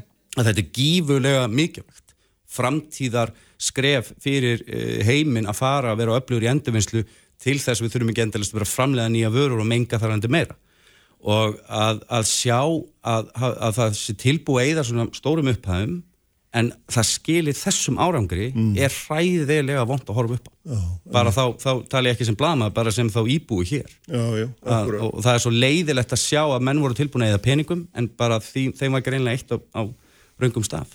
Það kom fram í þessar umræðum ég, uh, hérna fyrir einhvern tíman síðastliði vor að það kæmi fram ný áætlun Mhm. og eru gerð opinber um rekstur sorpu sem ætti að taka á þessum málum öllum Akkúrat. og ég sjálfur spurt að henni um hana nokkur sinnum og meðal hans til sveitastjórnamaður sendt fyrirspunni til sveitastjórnamaður sem hafa íminn sett í stjórnin eða ekki Mhm. og allavega síðast í spurði november var ekkert komið hefur þú orðið var við eitthvað? engar kostnæðanallar sem ég hef séð settur á netið sko. Og, og þeir eru mjög, svona þeir byrta það sem þeir vilja Eh, eins og Jón Tröstur Ísfjörður minn eh, saði í, í frettablaðinu uh, þegar núna allt í unni stjórnundur hérna sorpu núna eru tilbúinir að veita stundinni viðtal en svo lengi sem að spurningarna sé ekki of tæknilegar. Ég veit ekki alveg hvernig að bregðast þessum orðum og mér fannst þeir frábæri en, en það er gott að vita séu núna tilbúinir í viðtal og við munum að sjálfsögðu senda þessa viðtalspenni en það er upplýsingaflæðið er gífulega lélegt og það sem er mjög að í upplýsingalögum kemur það mjög skýrt fram og það sést ykkur ákveð um það að upplýsingagjöf þegar kemur að uh, umhverfismálum er mun mikið verið heldur en önnum mál. Og það er, er mun víðari lagalegu rammi fyrir að krefjast um frekar upplýsingar þegar kemur að umhverfismálum. En svo verið sem að sorpa vilja ekki deila þessu með almenningi. E, þeir dæ, sama dag og greinin mín byrtist þá e, byrtu þeir loksins efnaniðustöður úr fyrstu lótunum sínum sem að þeir töluðu ítrekkað árið fyrir að myndu vera byrt reglulega heimasíðunni. Það var gert sama dag og greinin byrtist e, þeir sögðust ítalega að láta almenning vita hvernig myndi ganga þeir gerðu það ekki, þeir földu plastniðustöðuna sem þeir höfðu eh, kölluðu það vinnuskjál þannig þeir þyrfti ekki raun og vera að deila þeim til samkvæmt upplýsingalögum að því þetta var vinnuskjál og, og, og það var bara fa farið raun og vera alla leiðir til þess að fela fyrir okkur nákvæmlega hvað er í gangi. Og það gengur ekki í þessum málaflokki Nei, er, sko, eh, hitt náttúrulega mjög stórt mál líka þó við komst ekki langt unni það núna en það er auðvitað, það, þetta er ekki bara moltustar sem þetta er líka framleiðsla á metangasi. Akkurat, og hérna sem átt að vera sko söluvara. Akkurat. Og það er hérna, það er meiri segðan þannig að uh, sjálft uh, hérna sveitafélagsamlaði sem til dæmis reykustrætó er ekki eins og að kaupa metanstrætó sem hefur nú komin fram reyndar líka síðast. En hérna, þannig að það gengur heldur ekki vel Nei, þe þeir eru núna að reyna að ná einhverjum samningu við yðnaðin. Mm. Það átt að gera samkvæmt þeim eftir að greinin mín byrtist átt að gera á allar næstu mánum. Nú hafa ekki verið skrifaður undir neina samninga. Það hafi við gerðið vilja yfirlýsingar sem er svona klassik til þess að markasetja að eitthvað sé að fara í gangi að fara í gang, en, en, en það hefur e- ekki verið skrifað undir neitt kaupsamning sem að tekur á þessu mikla magni sem að þeir eru að fara framlega. Þeir eru að fara að auka framlega eh, sem dæmi má taka líka að, að það sem liðið yfir árunni 2021 þá hafa sjö metan bíla verið fluttir inn til landsins. Sko, ramagni er því miður bara búið að vinna þessa baróttu og við sitjum uppi þá með 6,1 miljard vexmiði sem er að framlega metangas sem er frábært að, að því það er metan er mengandi og mjög slæmt e, slæm lofttegund þegar kemur að, að, að loftasmálum en það var ekki að hugsa alveg út í enda hvað ætti að gera við metani, það var ekki búið að gera almenna áallan að koma í nótkun og svo verði sem að með þess að sveitafélun sjálf, það er til dæmis eins og strætó og fleiri, þau er að veðja á ramagnið í staðin fyrir að, að veðja á metanið. E, og það er ekki einu sinni verið að sko að brenna þá metanið sem við offramluðum til þess að framlega ramagn. Þetta, er svona, þetta er ekki alveg, við kunum bara orða það reynilega út, þessi framkvæmd var ekki alveg hugsa út í enda, enda er það, kemur það fram í öllum skýslu sem hefur gerðar og þeim viðtunum sem ég teki er að þeir voru bara einfallega eitthvað megin að veðja á eitthvað töfra bragð sem að virka ekki. Mm, það er mörgum spurningum hérna ósvara en þessu máli hérna. Takk fyrir að koma Bjarnar. Haldum áfram síðar með þetta hérna trúi á nokkuð svafa. Ég ætla að ræða hérna heilbríðismálunu eftir eitt af eða örgleitt stærsta kostningamáli sem framöndan er. Sprengisandur á bylgjunni. Sprengisandur alla sunnudaga á bylgjunni.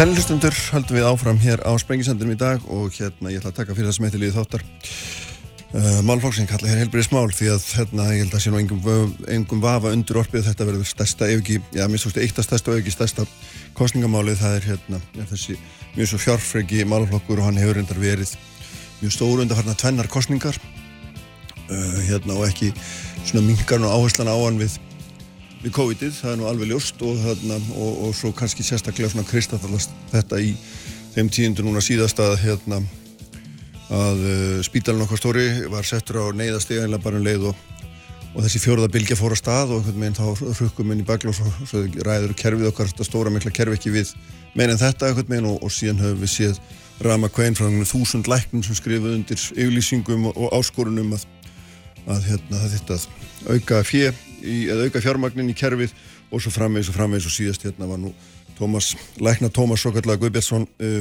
á í viðtala Rást 200 fyrstu en það sem hann lísti yfir að hann hefði aldrei síðan eins á neðamóttöku og gergæslu eins og, eins og núna og svo sem hérna. Svo ég hætti um þessu þursi en þarna sko hérna Björn Levi þú, þú mér ást hérna það var svona upphagspunkturinn ég fór að hugsa þetta þessi greinin í kjarnanum það, það sem þú hérna, nú mikil talnafakir og ert búin að reyna því gegnum þetta allt saman.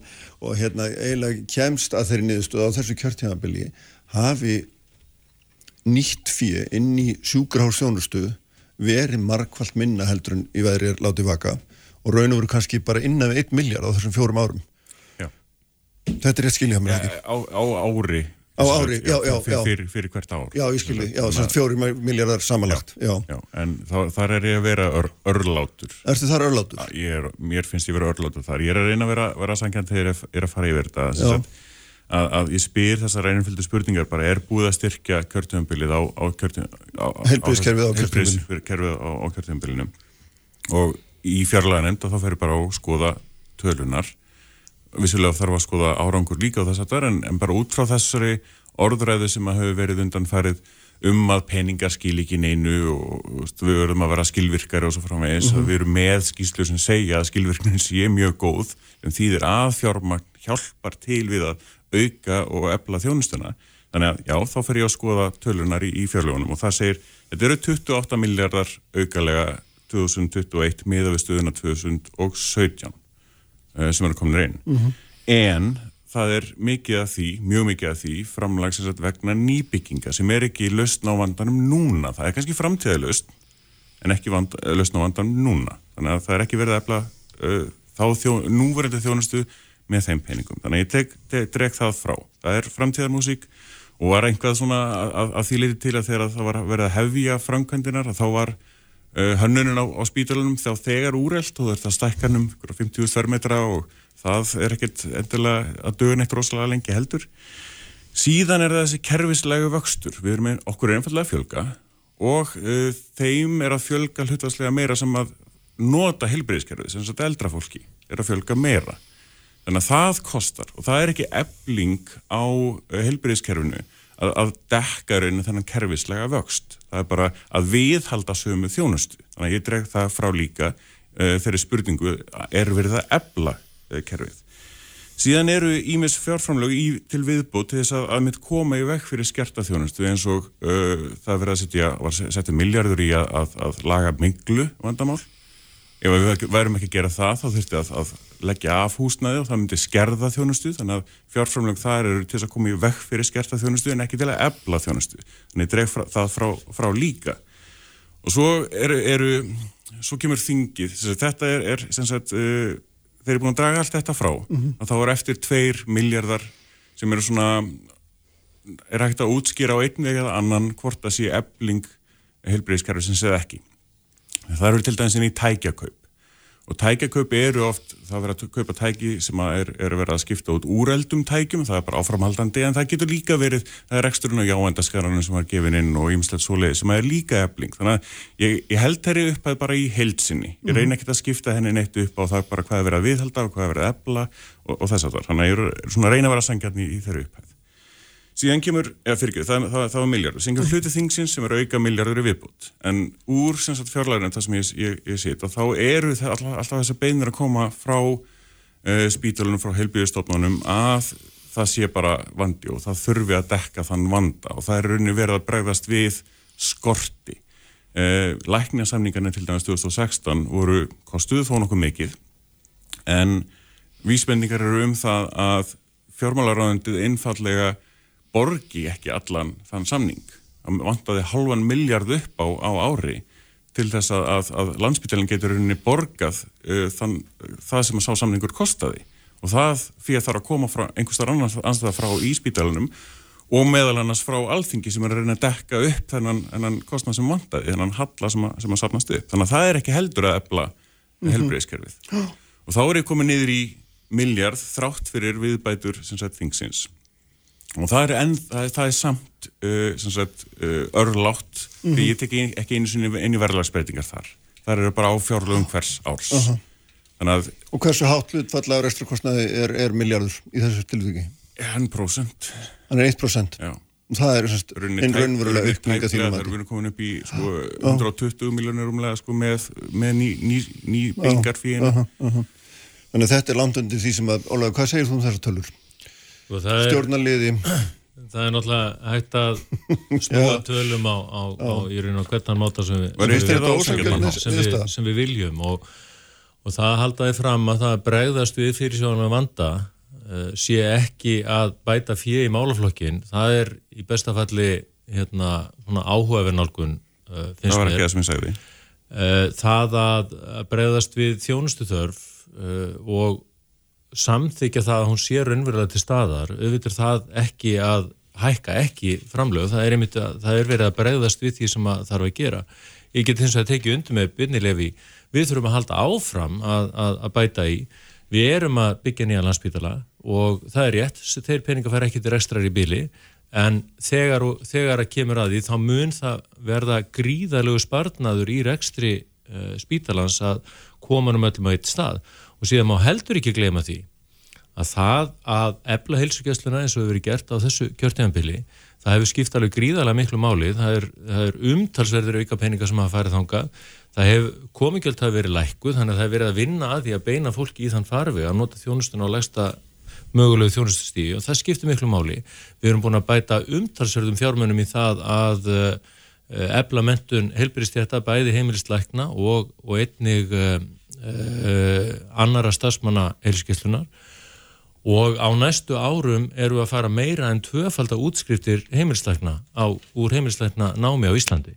Allt þetta skiptir málu og allt þetta mun bæta þjónustuna og jú, það er dýrt að, að koma sér að stað í þessu endurbótaferli, það er sannlega dýrt og við erum ekki með alla peninga í heiminum til þess að geta gert allt í einu. En við erum sannlega á réttri leið og það að hvort sem að við tökum COVID meðin í þá jöfnuð ekki mm að þá hefur það sannlega haft áhrif bæð á helskeslan og spítalan mm -hmm. en það mun hætta á einhverjum tíumóti. Það er að segja sá aukakostnaður og þeir erfiðleika sem að því stafa mun hætta á einhverju tímapunkti og ég held að það sé ekki neinum blöðum með það að fletta að það að fara úr 7,5% til cirka vergri landsframveyslu í helbíðsjónustu sem að hún var komið niður í eða 7,8, ég man ekki nákvæmlega hvað það var 7,5 eða 7,8 mm -hmm. upp í núna 8,24 cirka og erum vonandi á leiðinni, tíma, sko. vonandi á leiðinni lengra mm -hmm. það skiptir allt gríðarlega miklu mál og ég held að almenningur í landinu finnir fyrir því En ertu þá að taka inn í að breytingar á landsframist þannig að þessar prósentölu segja náttúrulega ekki neitt að þetta er prósentur af, af mismunandi upphæðum Já, en við viljum að kakast ekki, ekki sant? Já, hún en hún var ekki að stekka sko. Já, hefur hún minkað svo mikið? Landsframistlan hefur minkað Við vorum með þetta að ræða hérna rétt á þann að, að nú er hafustur heldur aftur að aukast á þessu ári já, og heldur á uppleið.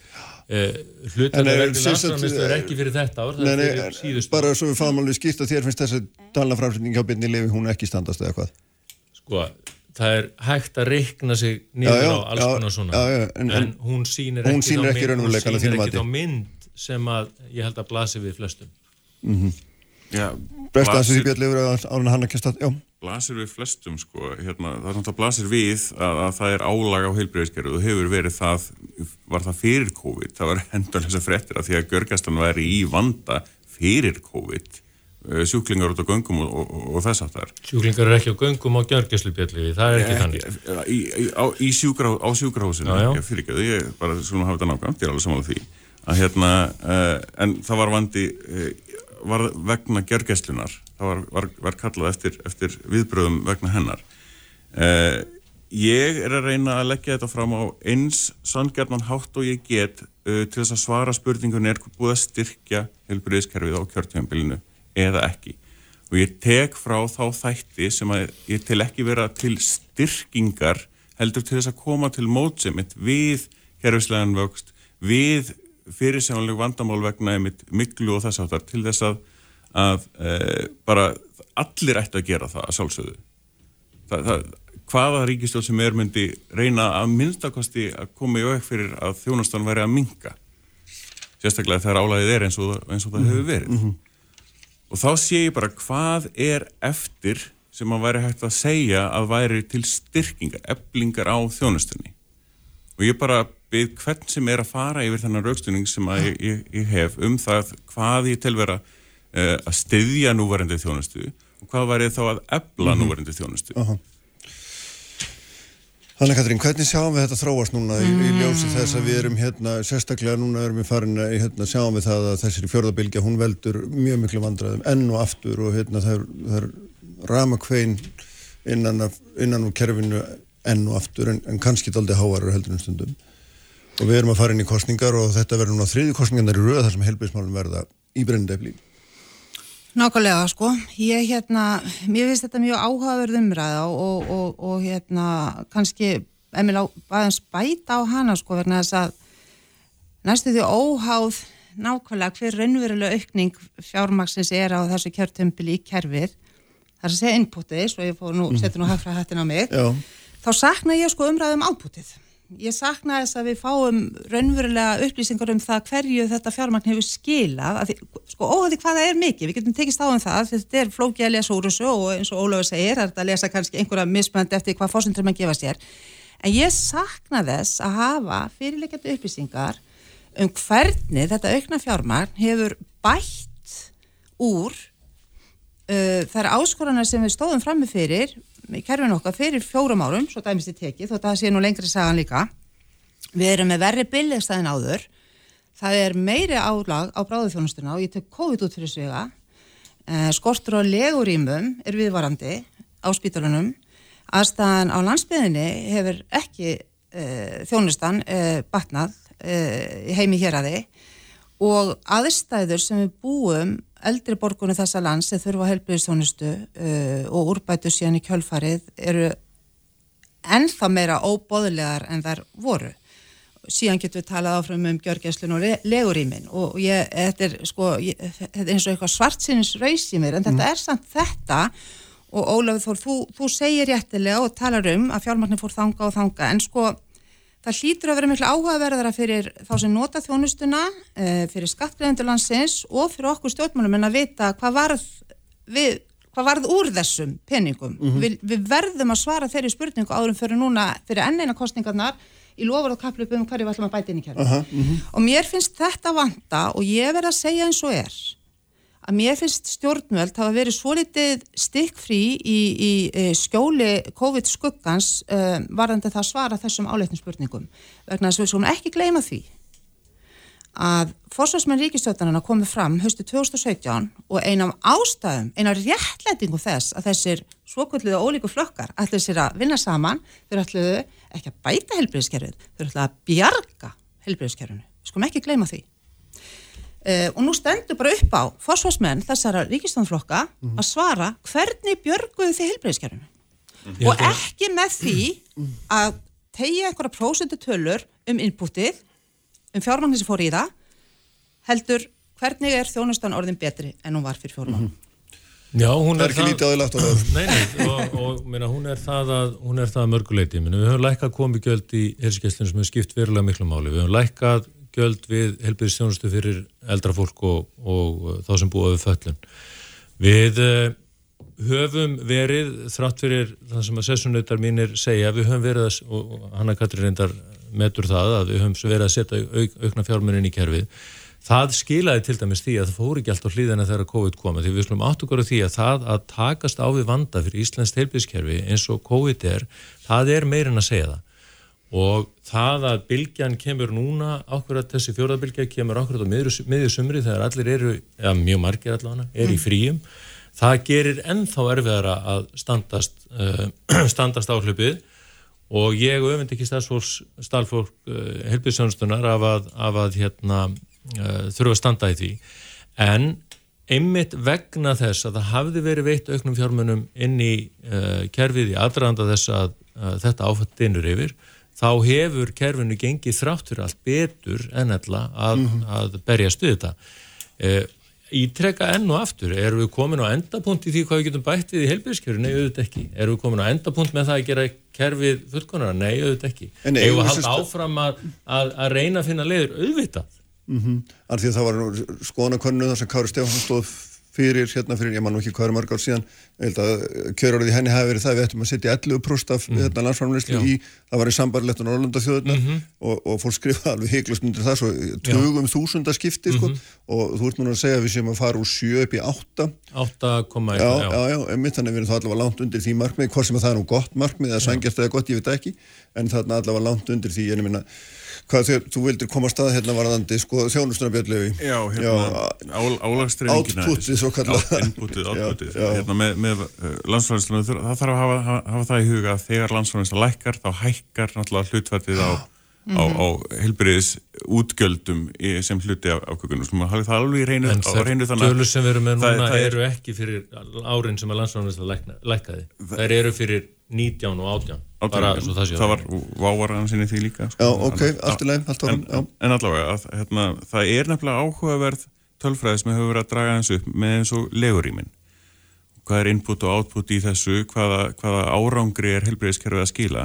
Uh, legurýmin fækkaði sem maður séð upp á 2014 það er svona aðeins erfið að fá nánari tölur hérna, síðan þá en, en það verðist benda til þess að, að rým hafa eitthvað fækkað áfram en á sama tíma hefur líka verið aukinn skilvirkni, betri sagt, meðferðir og svo frá sem, sem að gerir það að verkum að það þarf ekki eins mörg legurými. Þannig að það, það er jákvætt að við séum orðin betri í því að, að lækna fólk þannig að það þurfi ekki að vera lengin á spítalunum sem að þarf þá ekki eins mörg legurými. Þannig að framsetning á því að segja bara að legurýmum hafi fækkað er ekki sangjörn framsetning. Það segir ekki til um hildarsamhengi e, þess hversu gott heilbyrðiskerfið er. Þannig að það þarf að skoða hvort tvekja.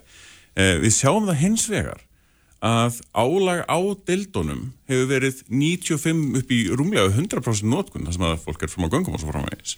Það sem að álag, álagið á að vera í kringum 85% var í eðlugu, eðlugu árferði sem að gera það verkum að þá getum við tekið við álagið eins og í COVID sem að þetta vissu enn, enn meira, meiri viðbröð vegna því að það, það, það stór viðbútt. En, en við erum á þessum stað 95 til 105% notkun á leigurímunum sem að, gera, sem að þýðir að þegar kemur eitthvað álag, rútuslýs eða eitthvað slýs, þá erum við strax komin yfir álag, strax komin í neyðarástand sem á ekki að vera. Það var þannig í, í bandaríkjónum fyrir nokkur mánu síðan þegar raforkukerfi, dreifinga á raforkukerfi rundi á einum stað. Allt er leið, kerfið gæti tekið við því, rund á tveimur stöðum, gæti ekki tekið við því og allt kerfið rundi. Við erum á þeim stað núna með helbreyðiskerfið. Það er búið að viðhalda um, núverandi þjónustustígi á nokkuð, uh, na, bara á nokkuð góðan hátt, ég skal bara, Mhm. bara ge- gefum, gefum, gefum uh, núverandi stjórn það, en það er ekki búið að ebla það sem að maður held að hefur verið lofaðu fyrir síðustu og þar síðustu kostingar. Nema af þessu litla leiti sem ég finn sem er bara einhver, kannski einhver miljardur á ári Mhm. og í hvað þar fáum við heldur ekki að sjá svo nánar nákvæmlega hvernig árangur er af þessum miljardi. Já. Já. sko það er, það er þetta eins og ég nefndi á þann, það er þetta að taka tölur fram og tilbaka og það er þetta, ég meina, það er þetta að nota tiltekna aðferðarfræði til að sína fram á að maður hafi farið út í búð og kefti eitthvað að maður raunin, raunin ekki borga neitt fyrir það. E, þannig er það hins vegar ekki. Maður fyrir út í búð og kaupir eitthvað, maður kaupir eitthvað þjónustu, maður kaupir helbiðistjónustu og hún kostar og maður borgar fyrir hann að maður setja fram pening og hún kostar. Og það er að finna sér alls konar leiði til, til að sína fram á það. Varðandi nýtingun á deildunum, mm -hmm. þá er það rétt hjá Byrni að hún hefur verið há í gegnum tíðina en við erum í já, hvað eru hérna ráðan, 375.000 manna samfélagi að reyna að reyka hátakni þjónustu og hún er dýr og við höfum hreinlega ekki efni á að vera með einhverja umtalsverða auka getu í kerfinu. Mm -hmm. eh, við höfum sínta núna í einhverju mestu heilbriðiskerfu, krísu sem hefur komið bara í heila öld á Íslandi. Mm -hmm að þrátt fyrir það þá tekst okkur að breyðast við. Jú, bygglistar mér... lengdust að því við ákváðum að valaðgerðir yrðu, yrðu, að, yrðu að býða og ég held að svona, þegar menn hugsa það til enda þá hafi flestir verið sammála því að það hafi kannski verið skinsalega nálkunin en, en uh, við erum með svo lítið kerfi, við erum með tvær litlar gjörgæslur á, á höfbruksvæðinu uh, eh, það mun breytast þegar það kemur bara inn í, í nýja meðfærakernanum en það, það er alltaf í svona litlum kerfum að áfall eins og, eins og Björn nefnir eitt rútuslis eins mhm. og, uh, eins og já, tala nú ekki um COVID þau valda tímabundum erfileikum það bjóst eins og það er engin við því að COVID er svona lengi og nú er það búið að vera í nú er það búið að vera í halvt annað ár mm. og endur mennfættir að tala um ok, hvernig ætlum við þá að reyna að breyta uh, áherslum í kerfinu þannig að við getum kannski bara tekið fyrir bæri eins og COVID út fyrir svíga og ég held að svandis að við myndum verið helbiðsáðra, við myndum verið í þætti áður um daginn að ræða einmitt að menn eru farnir að ræða þessar lausnir en það munum við líklega að þurfa þess. Já, einmitt erum við svona hérna, að taka inn nokkru ölsingar og, og halda smá fram Uppspretta frétta á Sprengisandi. Fréttir þjóðmál og pólitík. Sprengisandur á bylgjunni Sæli afturlustundur, við erum hér á lokasprettin og sprengisendur mitt að Björn Lífi Gunnarsson, Ólaf Þór Gunnarsson og Hanna Katrín Friðriksson eru hérna hjá mér. Við erum að reyna að kortleggja þessi helbriðsmál eins og þau eru í svona ljósi þess að allavega mitt mat að þau verði fyrirferða mikil í kostningabortunni. Hérna, hva, hvert eigum við að stefna, Hanna Katrín, í þessu? Því að nú vorum við að tala um þessa, þetta hlutfallaðan sem að nefnt var 11% landsfjörninslega en þú varaði nú við því aldrei að hérna, við lofa orðum um peninga á þess að skilgrina hvað við vildum fá fyrir þá. Já, hvernig, hvernig sér þú þetta fyrir þér núna næstu vikurnar?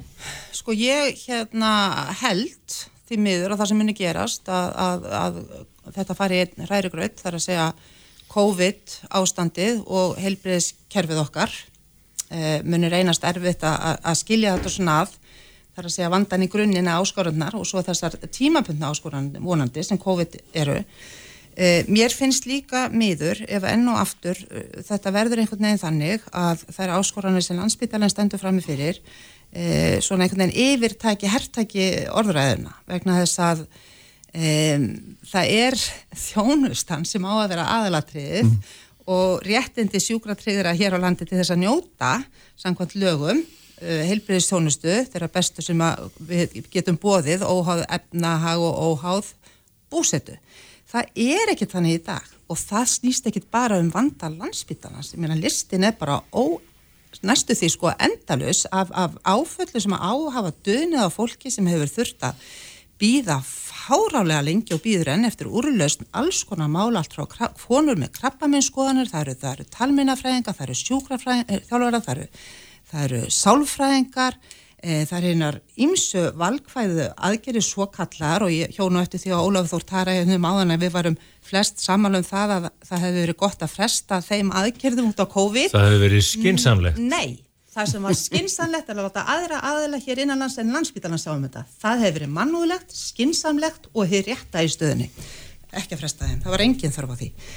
Það geta nefnilega aðri sint helbriðstónustu hér á landi en landsbytarinn og það sem hefur gæst þessu kjörtjómabili samhliða því, eins og Björn Levi hefur hér farið yfir, að, að það má færa rauk fyrir því, virðist vera, að fjármagnir hafi ekki verið jafn mikið og, og, og stjórnmálumenn, ríkistjórnin talar um, þá hefur verið hlaðið á spítalanverkefnum sem aðrir aðilar ekki bara geta sinn, heldur hafa sinn til þessa, þar til þessi ríkistjórn tók við völdum. Mm -hmm. Það er nú málið og það þarf að vinda ofan af þessu Ég hugsa að það kannski æskilegstu stöðinu verður bara hverfa aftur um fjór ár. Byrja bara på nýtt. Já, Ég held að- þetta er allavega skýr og góð til að það er alveg ljóst. Já, já, það er, það er út af fyrir sig ágætt að geta sleiði fram að, að, hérna, að uh, við hefum bara átt að fá einhverja aðra til þess að vinna verkin og uh, ég held að Ekki einhver aðra. þú nefndir, nefndir, nefndir og einhverregnar stofur og fleiri en ég held að allir sem að skoða helbiðskerfið og helbiðstjónust af einhverju sangirni viti það náttúrulega að uh, það eru engir aðlar í landinu í dag engaregnir eða aðrir, aðrir, aðrir heldur en ofnbæra helbiðskerfið sem að gátu tekið að sér allar þessar hundruður ef ekki þúsundur valkvæða aðgerða sem eru framkvæmdar á ofnbærum stofnunum.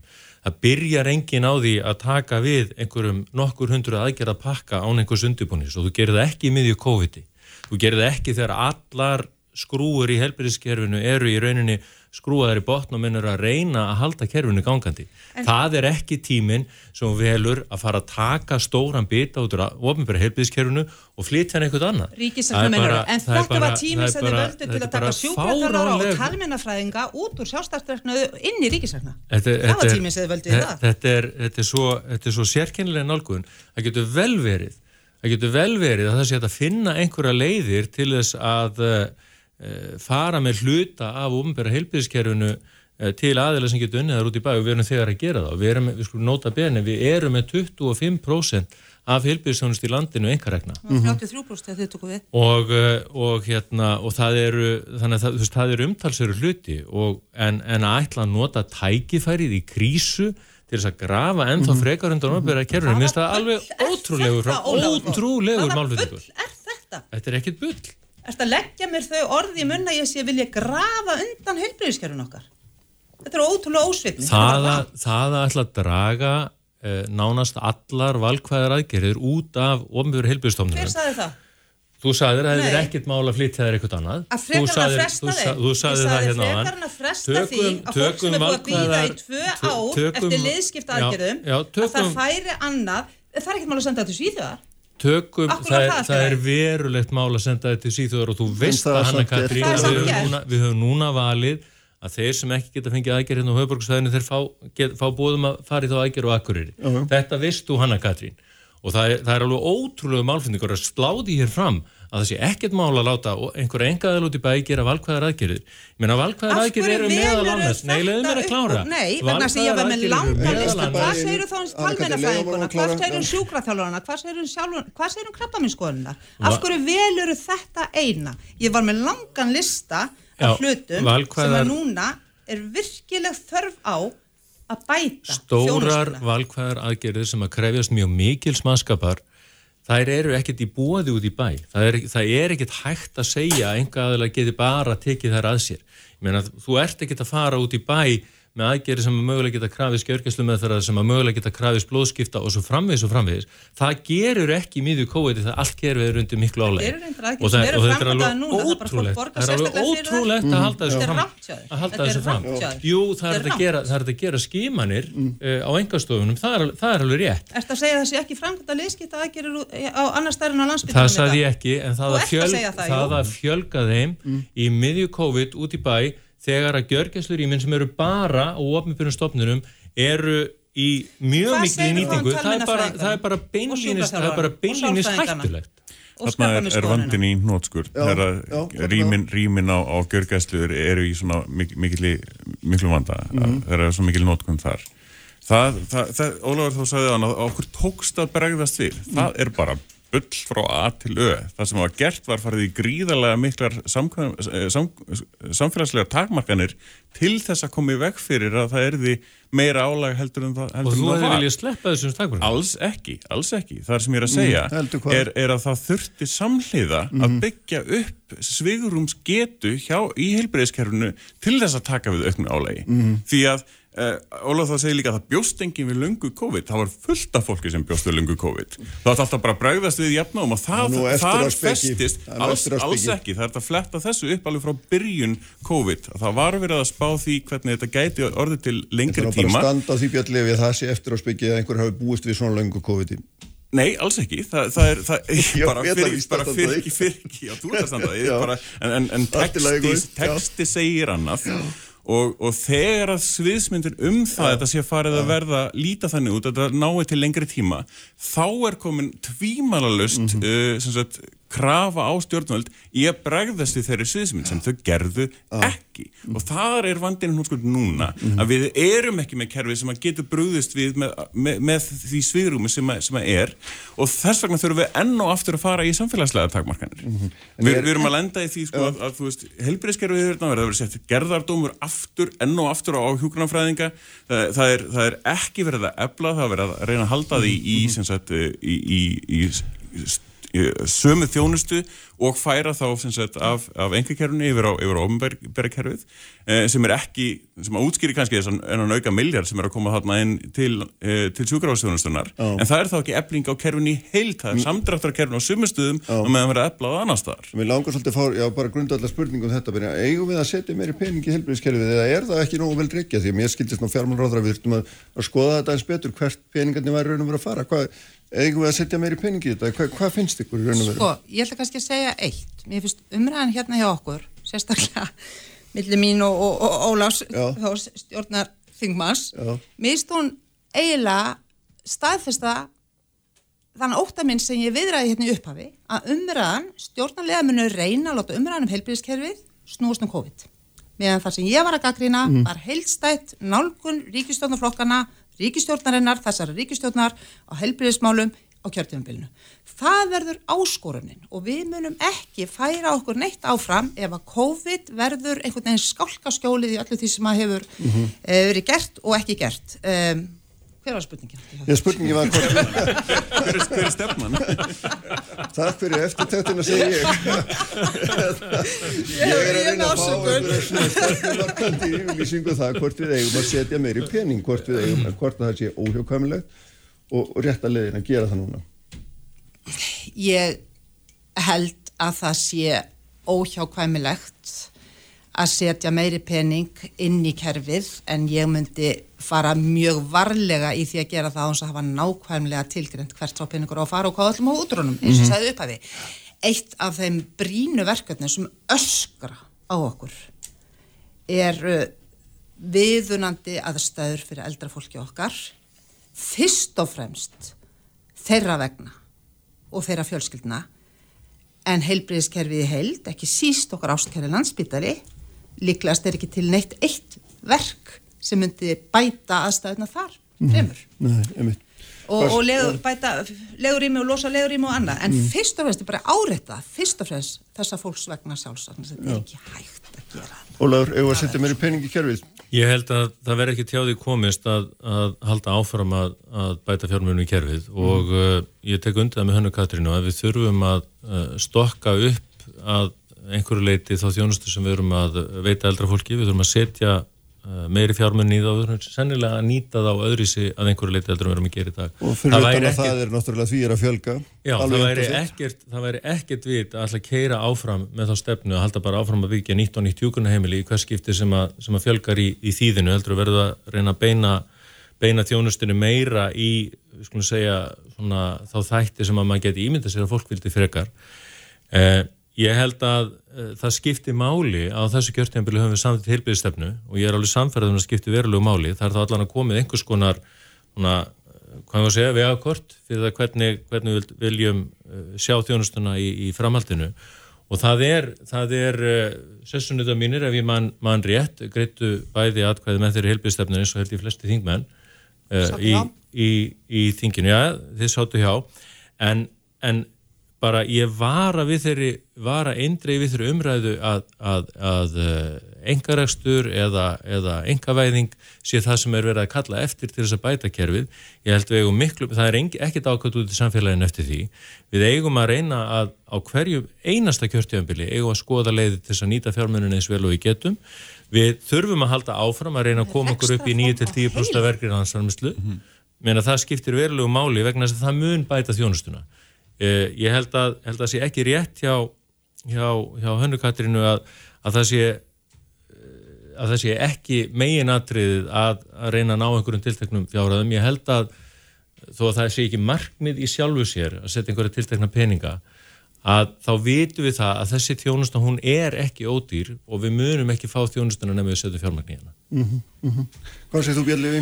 Já, markmiðið hlýtur að vera að auka þetta svigurum sem að við erum að sjá varandi álægið að gera, 95-105% álæg á, á deildinar er bara óásætt, óásættanlegt. Þannig að það, markmiðið hlýtur að vera að auka svigurumið hvernig við gerum það, það er hægt að gera á mjög fjölbreytan á, það eru dæmi uh, um óskilvirkni hér og þar í kerfinu. Uh, í byrðahaldi til dæmis var, var líklega mögulegt að, ná ákveðinu hagræðingu.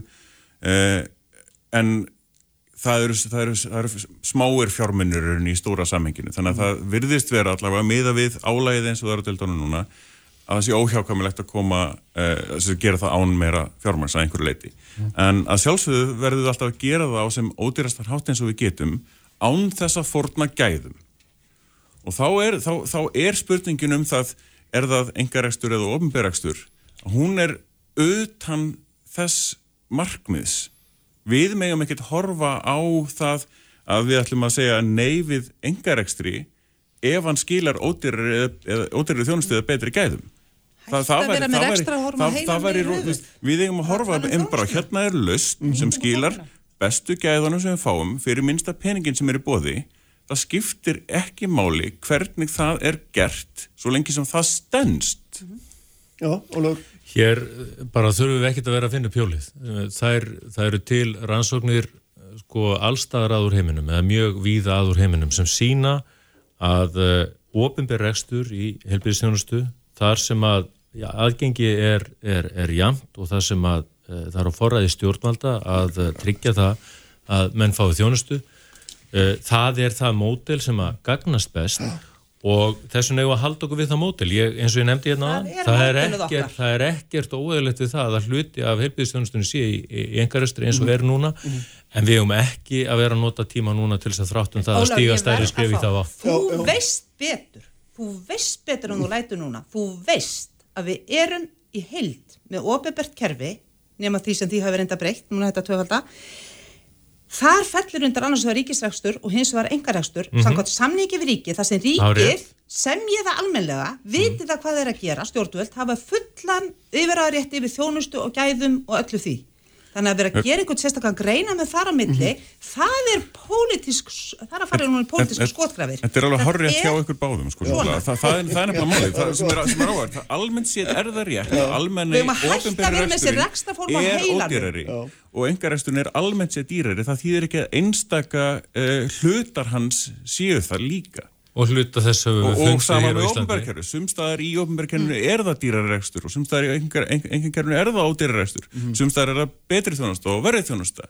Og þetta þurfum við alltaf að spila með þegar við erum að pæli því hvert við erum að veita fjármagninu. Við viljum veita því þánga sem er þánga sem að kostar minnst og veitir mest gæði. Og svo er breytan.